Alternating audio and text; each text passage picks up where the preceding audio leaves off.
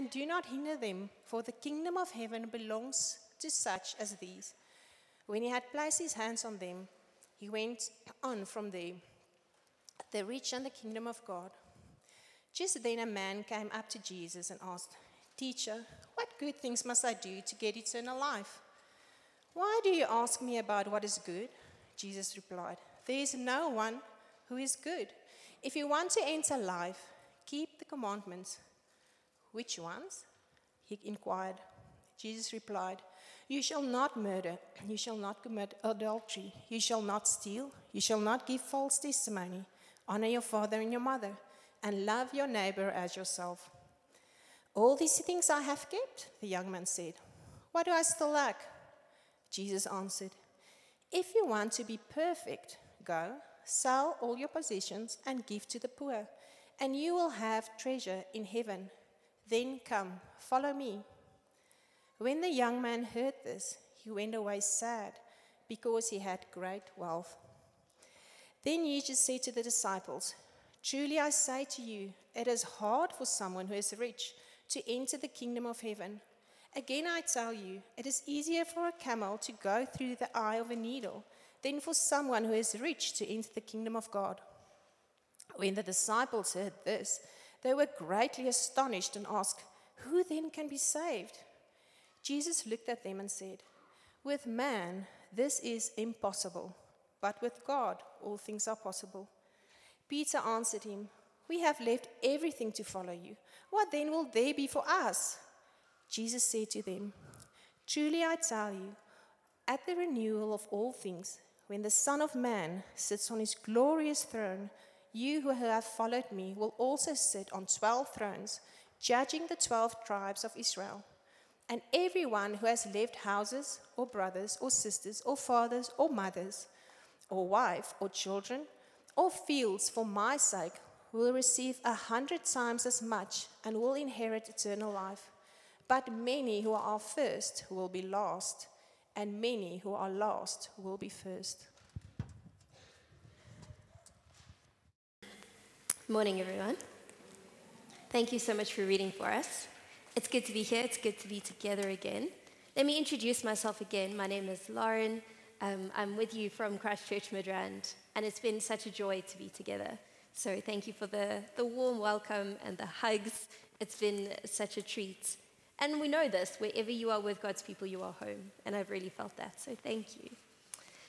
Right. We spoke last night about the hymn we are following and we said that we love and follow Jesus, who is the glorious Son of God. And he is also the suffering Messiah in the context of suffering. He can fit in the same bag. He can be the glorious Son of God, and he can be the man who suffers, because those things don't work against each other. In God's economy, only Jesus can be both of those things. So that is who we are following. Let's talk a bit today about what the following looks like. Because, of course, there's that first decision you make when you become a Christian to follow Jesus. And then there's the day after day following after Jesus, pursuing him wholeheartedly. And that's where our focus is today. Let me pray for us in light of this, um, and then we will go from there. Should we close our eyes and pray together?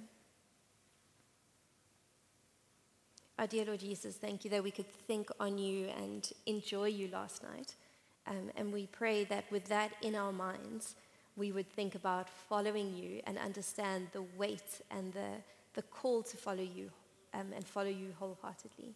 We pray this in your name. Amen. All right, let me start with a question Where's your security at? Now, obviously, I'm not talking about your home beam passive situation. I'm asking what makes you feel safe? In, in anything. So maybe it's a, a family home in another province you can go to. Maybe it's a credit card where you can move that limit if things get rough. Maybe you have an ancestral visa to a different country. That's a nice bit of security if you need to get out. Um, a degree, something to fall back on.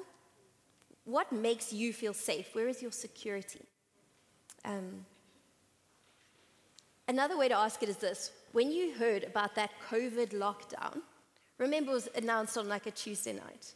What were your first thoughts? What were your, at least? Can you remember that? Can I tell you what mine was? I was like, oh, at least I've just done a big shop. And it sounds silly, but in the moment you go, at least I have food in my house if we're not getting out the house. My security, my safety was in that at least. So let me ask you, what are your at leasts? Oh, at, at least I own this home. I've got a solid bond. At least I have a job. What I'm asking you is what makes you feel safe? Now, we have some of those things physically, we also have them spiritually. What are your spiritual at leasts? At least I prayed that sinner's prayer, and I really meant it when I did it. I think that's my, my thing I'm going to hold on to. Or uh, at least I serve. I do, I serve, and sometimes it's really inconvenient, but I still serve. At least I have that to hold on to. At least I can show that I've done something. Our at leasts really reveal to us where our security lies. So when you fall into bed after a day where you have not lived for the Lord, actually, you can't remember the last time you spoke to Him, and you were in church, but while the sermon was going, you were zoned out on a million different concerns and worries. So you fall into bed at the end of that day, and you know you should pray, but oh, feel too guilty.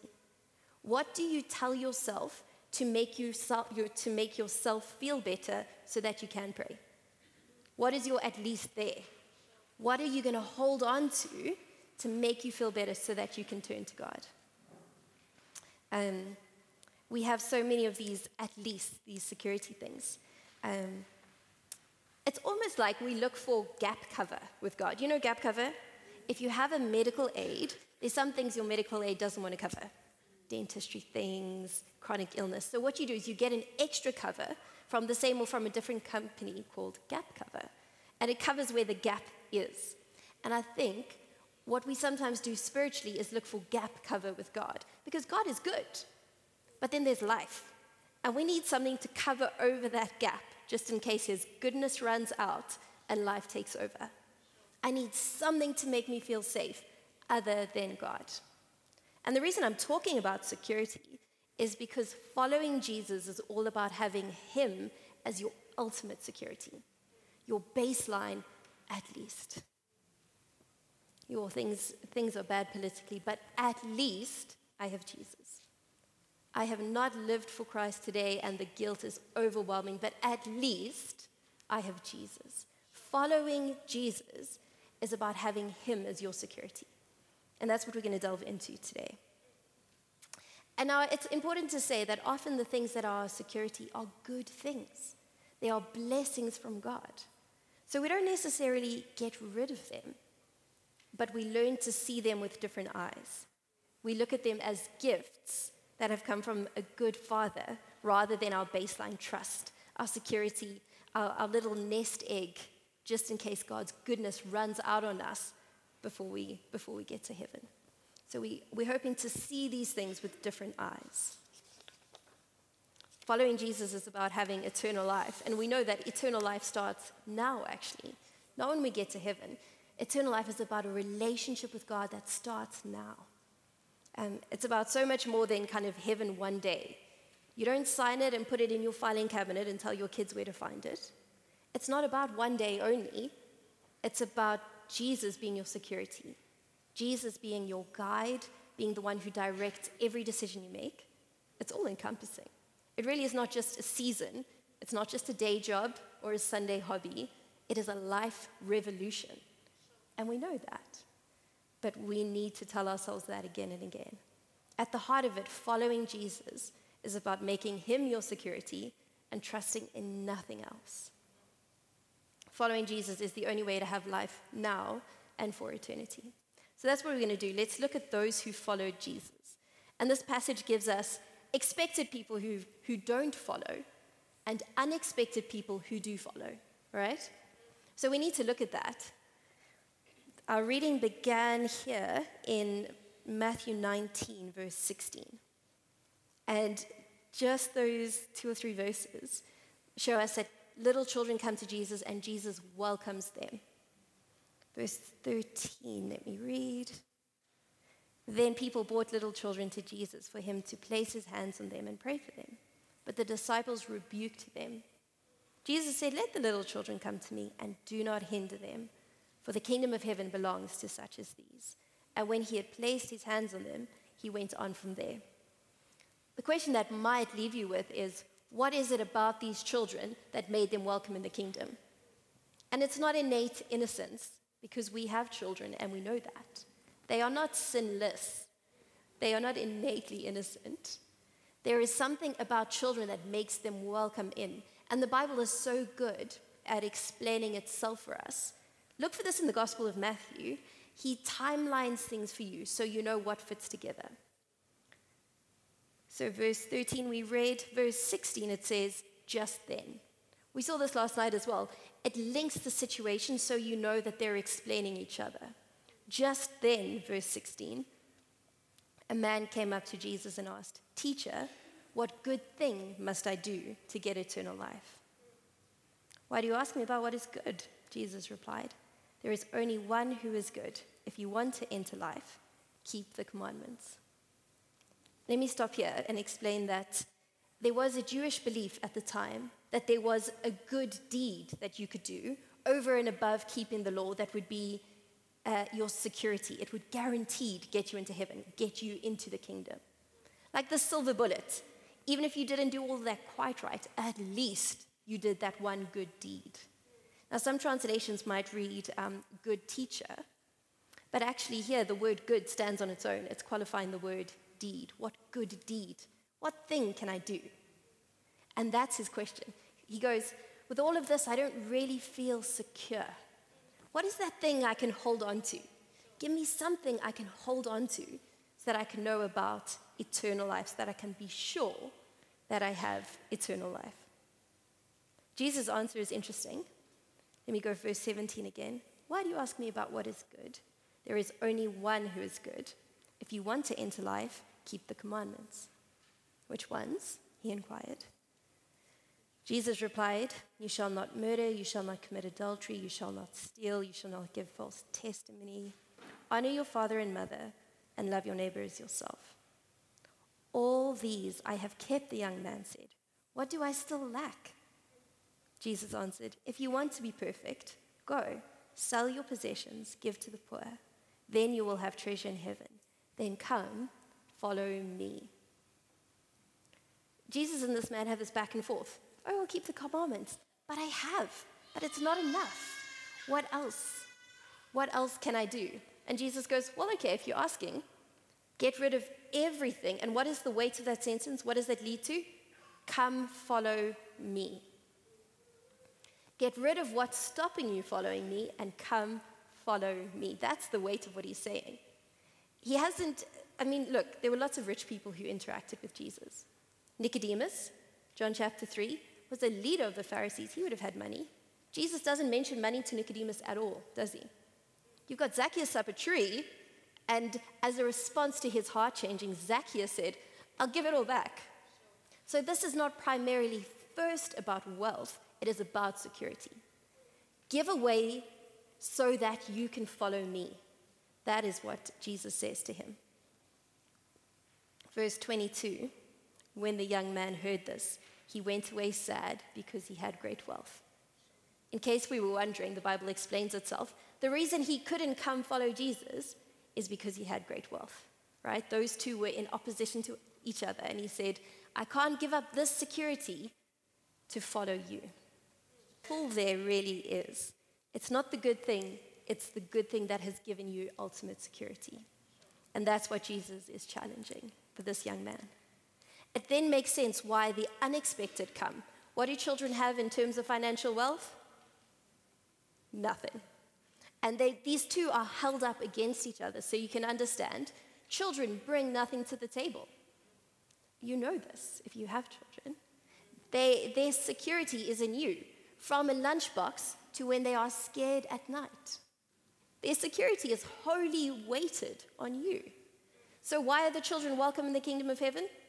They can give up everything to follow him, they have nothing. They will come to him. In opposition, what does this young man do? Don't you love the way Matthew holds these against? They come, he goes. They come to Jesus, and when Jesus says to the young man, Come, follow me, he goes. Other accounts of this in different gospels say Jesus looked at this man and he loved him. This was not a, a prick of like, mm, I'm going to get this guy. He loved him. His loving call to this young man get rid of what's stopping you following me. It can't be your security. But he goes away sad. Following Jesus is about having him as your ultimate security. So the unexpected get in because they have nothing to bring. Notice this young man, I mean, I mentioned Nicodemus earlier. You may know from John chapter 3, Nicodemus was anxious to be seen with Jesus. He creeps up to him at night. This young man isn't ashamed about being with Jesus. He doesn't mind talking with Jesus publicly because the disciples are listening, right? He doesn't mind being at church, serving a little bit, ticking Christian on a form. It's okay. It's a good addition to his life, but it is not his baseline security. It's fine to follow Jesus as long as he doesn't ask too much of me. And that was the thing. This young man said, I can't follow you because you ask too much. You want to take what I love with my whole heart, and I cannot follow you for that reason. And this is deeply intrusive. It is offensive, it should be. Because if that is the standard for following Jesus for this young man, it has to be the standard for us as well. And we'll see that it is because we see then how Jesus interacts with his disciples about it. Um, and we might align more closely with this rich young man than we'd like to hope. Um, we might say, I'm not rich. This is not a temptation for me. I don't have money. But this is not about money or not, first of all. This is about security. Maybe, like this young man, we're morally rich. We're fairly safe spiritually. We're quite nice. Um, and we've done enough good works in our past to cover over the apathy that we're going through at the moment, and, and mostly to pacify this vague dread we feel about the future and this vague dread we have about God that He kind of sits here and we're not quite sure we want to turn all the way into Him. We might be clinging on to safety and security other than Jesus. And we have to ask ourselves that because it's the difference between coming to Jesus or walking away from Him. And we want to keep coming to Him. First of all, in that first initial turn when you become a Christian, and then for your whole life, every single day. And there is nothing that is enough. There is no tithe you can bring, no law you can keep that can make you spiritually secure. There's nothing you can do to make yourself spiritually secure. And there is no material wealth in this world that can make you spiritually secure. That should make sense to us, but wealth is deceptive. It gives us a sense of security because it is a good thing from God. We should be using it for good things. But it cannot secure you anything with God because those are two different currencies. If you walk into Pick n Pay with monopoly money and try pay, uh, pay for your bread and milk, they will laugh at you. Those are not the same currencies. They cannot achieve the same thing. Material wealth and spiritual morality cannot achieve the same thing Jesus does. They cannot achieve spiritual security. You have to be able to see that, and yet we get deceived so easily. Pharaohs were often uh, buried with their riches, right? In case they needed them in the afterlife. And then all those thousand years later, when we dig up the tombs, what is still there? Their riches. What good were they in the afterlife? Two different currencies. You cannot secure spiritual security, you cannot secure eternal life with anything in this world. If for nothing else, then it only lasts for this world. How devastating. We don't have anything here that we can cling to. And the nature of the gospel really is that it pulls the carpet out from under your feet. When you fully understand grace, you should feel a little bit like you're falling and trying to grab something. Right? Because when you think on grace, there is nothing that you can cling on to to make you worthy of it. We've been doing question and answer. So I serve in teen ministry, and we've been doing a season of question and answers. And there's this one young man. He came to youth because a friend invited him. I don't think his mom really ever knows where he is. he kept on church camp because there was a gap. Um, and he has been at church every week since. And he is wrestling with this idea that God will unreservedly forgive you. So, whenever there's a question and answer time, he asks a different version of the question How far is too far until God can't forgive me? But, ma'am, what if I'm in a gang, but it's self defense and I kill someone? Will God forgive me? But, ma'am, what if the ma'am thing, I'm not a fan of, but, ma'am, what if I lie and then get hit by a bus before I can repent and say sorry? What if, like every version of his question is, how far is too far for me to push God before he goes, that's enough? Because he wants something to hold on to, either to make himself secure or to prove that God isn't as good as we keep saying. It rattles your security. It should. I've just told you, you have nothing to cling to except Jesus. Following Jesus is about Him being your security. And lots of things will slip in in the different seasons of our life and, and uh, entice us. I can be your security. You can find your security in your job. You're doing so well. Oh, I can be your security. Your kids have turned out so great. You must be such a good mom. Well done. I can be your security. Um, you're, you are serving so faithfully at church. We're so grateful for you. I can be your security. Good things, but they cannot be your security. Only Jesus can. Now let's think a bit about this because Peter's response really is it's revealing of our own heart. Verse 27 after Jesus has said, It is so hard for the rich to get into heaven because they don't want to give up their security. It's like a camel going through the eye of a needle. The idea there is just, let me give you an impossible picture in your head. It's impossible. And that's why his disciples are like, But wait, who can get there? They've just seen this perfect example of the most expected person to get into the kingdom a rich young ruler. In this Jewish worldview, if you are wealthy and doing well, you must be blessed. The Lord must be blessing you, God's favor must be on you. If He can't get in, who can be saved? He is the most expected person. So then, Jesus' answer is answering this. Peter says, verse 27, But we've left everything to follow you. What will they be for us? Just like the little children who have no security, Peter and his disciples, they walked away from their day jobs, right? It's like you resigning today.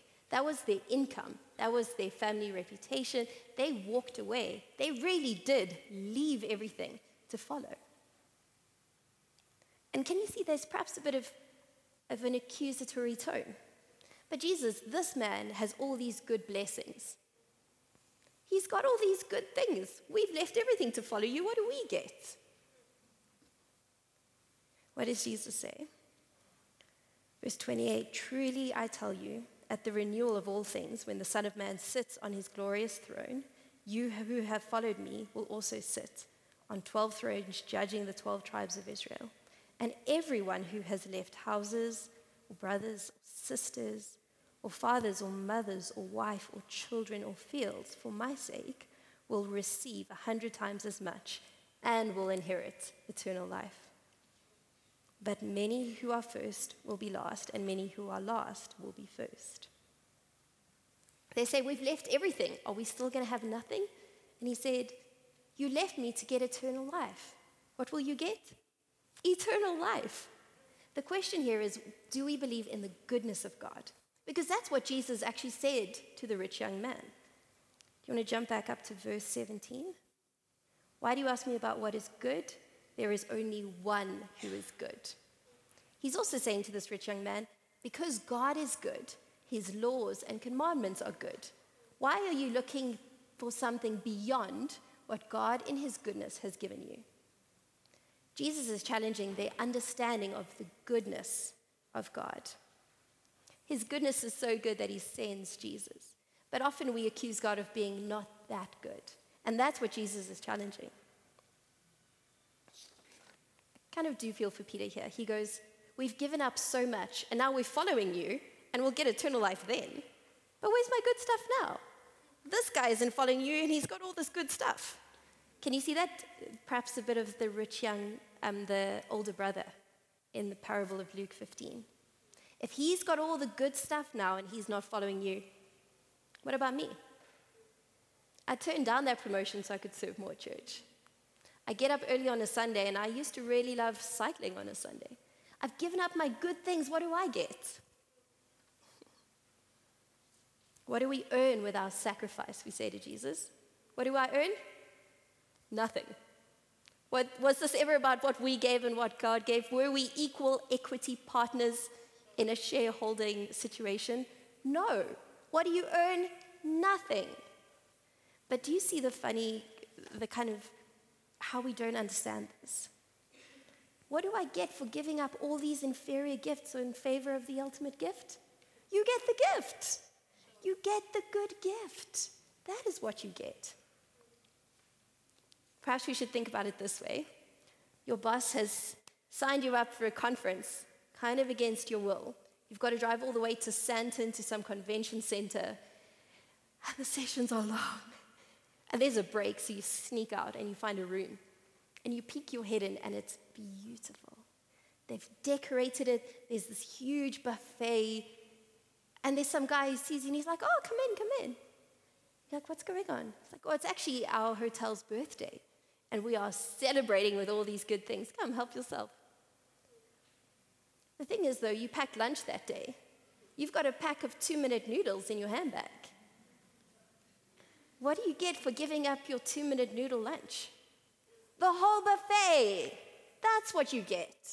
What do you get for giving up these smaller securities for the sake of Jesus being your security? Jesus. Do you understand? And Jesus said, in that verse, he is saying, You will have all these things in heaven. You will have eternal life in heaven. And we also find fulfillment of these things in the church community, right? Let me find this verse again. Verse 29 Everyone who has left anything will receive a hundred times as much and will inherit eternal life. God's means of blessing us is by joining us with one another. None of you who have left family will fail to find family in the community of God and inherit eternal life alongside that with that family.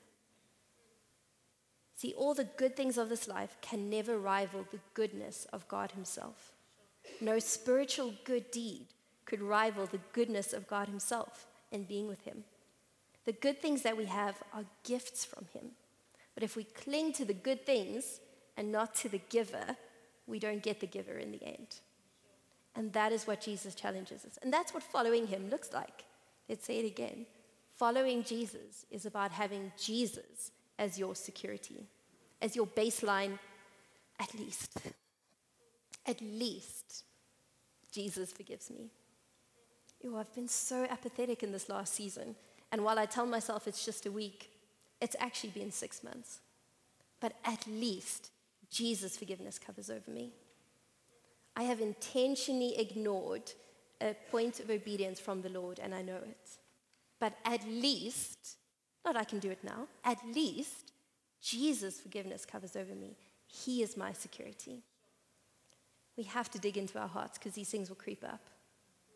So, if I were to tell you now, there's going to be another lockdown, you've got two days. What is your first at least? At least I don't have a comorbidity. At least I'm not nervous about my health. We don't have any of that. And all you have to experience is one of your securities to be shaken once for you to see how unsecure, insecure, valueless they are. Um, we need to train ourselves in Jesus being our baseline security. And that's what following Jesus is Him being our security. So that, that testimony last night was so beautiful.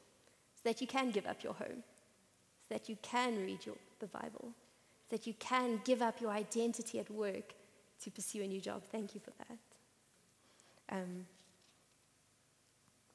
your baseline security has to be Jesus. So let's talk about the heart of this because we've alluded to it. The gospel essentially is the great trade of your securities.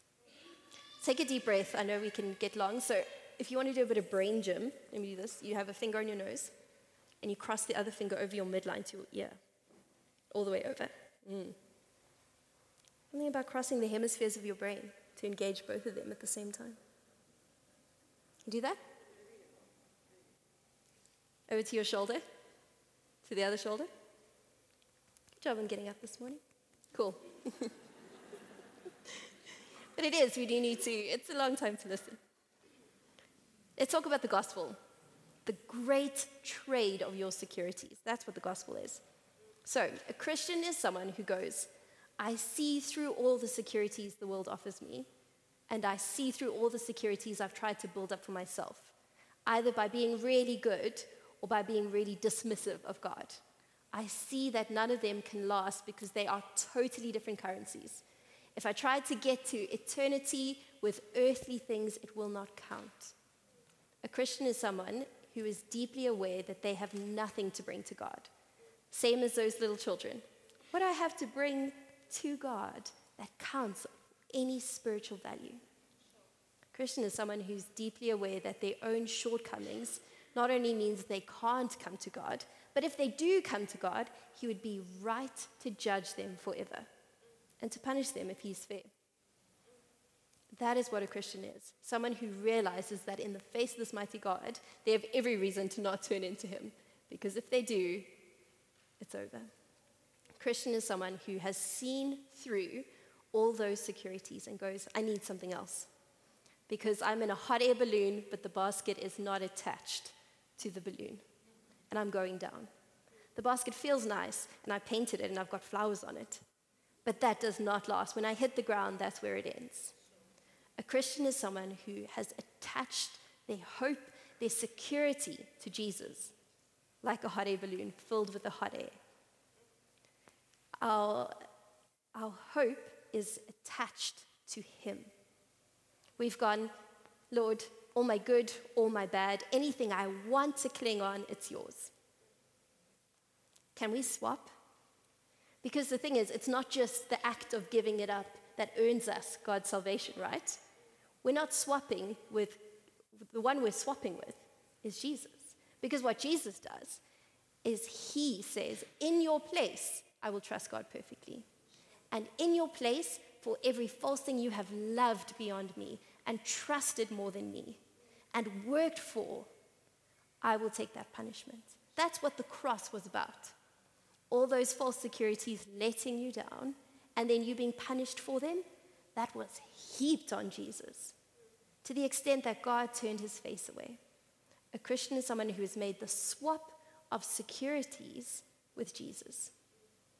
And that's a decision we make one off, and some of you have may, maybe made that decision years ago and have walked with him. And it's a decision we make day to day when a different thing reveals its temptation to be your security. And we know this. Every new season gives you a new thing to want to trust. That's why we read this. And that's why we, like Peter, check our hearts, not just for what we're trusting, but also for where we have forgotten the goodness of God. This is a bit like the act of gardening, right? You're pulling up the weeds, the things that threaten to be foremost in your vision. Because if you leave those weeds too long, they get quite big. They're the first thing you see when you go outside. And you pull them out, and they're going to come back but you pull them out because they cannot save you, they cannot be your security. Let's go back to this illustration of having gap cover with God, because that's the idea it comes down to. You can only trust Jesus as your security if you are willing to believe that in God's goodness, Jesus is enough. So we have to really press down into our own heart. Do you believe God is good? Not just nice, but good fiercely, actively good. Because you won't trust him if he's just nice, and you shouldn't. In his goodness, he gave the law thousands of years before to allow his people to be right with him. In his goodness, he gave Jesus to fulfill the law perfectly. In his goodness, he sent Jesus to the cross He's not just nice, He's actively, fiercely good. And that's one of the first things the devil attacks in our heads. Hmm, maybe God is powerful, but He's not that nice to you. He's not that good to you. Peter goes, Where's my good things now? And he goes, You have me. What could rival me? Where are your good things now? Him. And then eternal life as well with Him forever. Let's challenge our own hearts. Are we following Him because we see His goodness? Let's day to day keep address, adjusting our baseline trust, our baseline at leasts. And whenever you see a different at least sneaking in, you pull it out. And in its place, you plant the thought of the goodness of God, His kindness, His love for you. And when you don't feel it, you tell yourself it anyway, because it is, it is true regardless of how you feel. Pull out that weed that said, oh, at least in the season you're trying to do well. Plant in its place the goodness of God. Let's do that. Let's challenge our hearts to do that. Shall I give you a moment? If there was a little twinge of something that appeared in your conscience, take that to the Lord now, and then let me pray for us. Dearest Lord Jesus, I know that there are so many things that I want to put on the table as a security um, to make myself feel better in your sight. And I'm so sorry for them, and I, I pray for eyes for all of us to see through the good things that have become idols, that have become ultimate security things to us. Lord Jesus, please plant in us instead the deep conviction of your goodness, your fierce, active goodness that will bring us into relationship with you now and preserve us for eternity.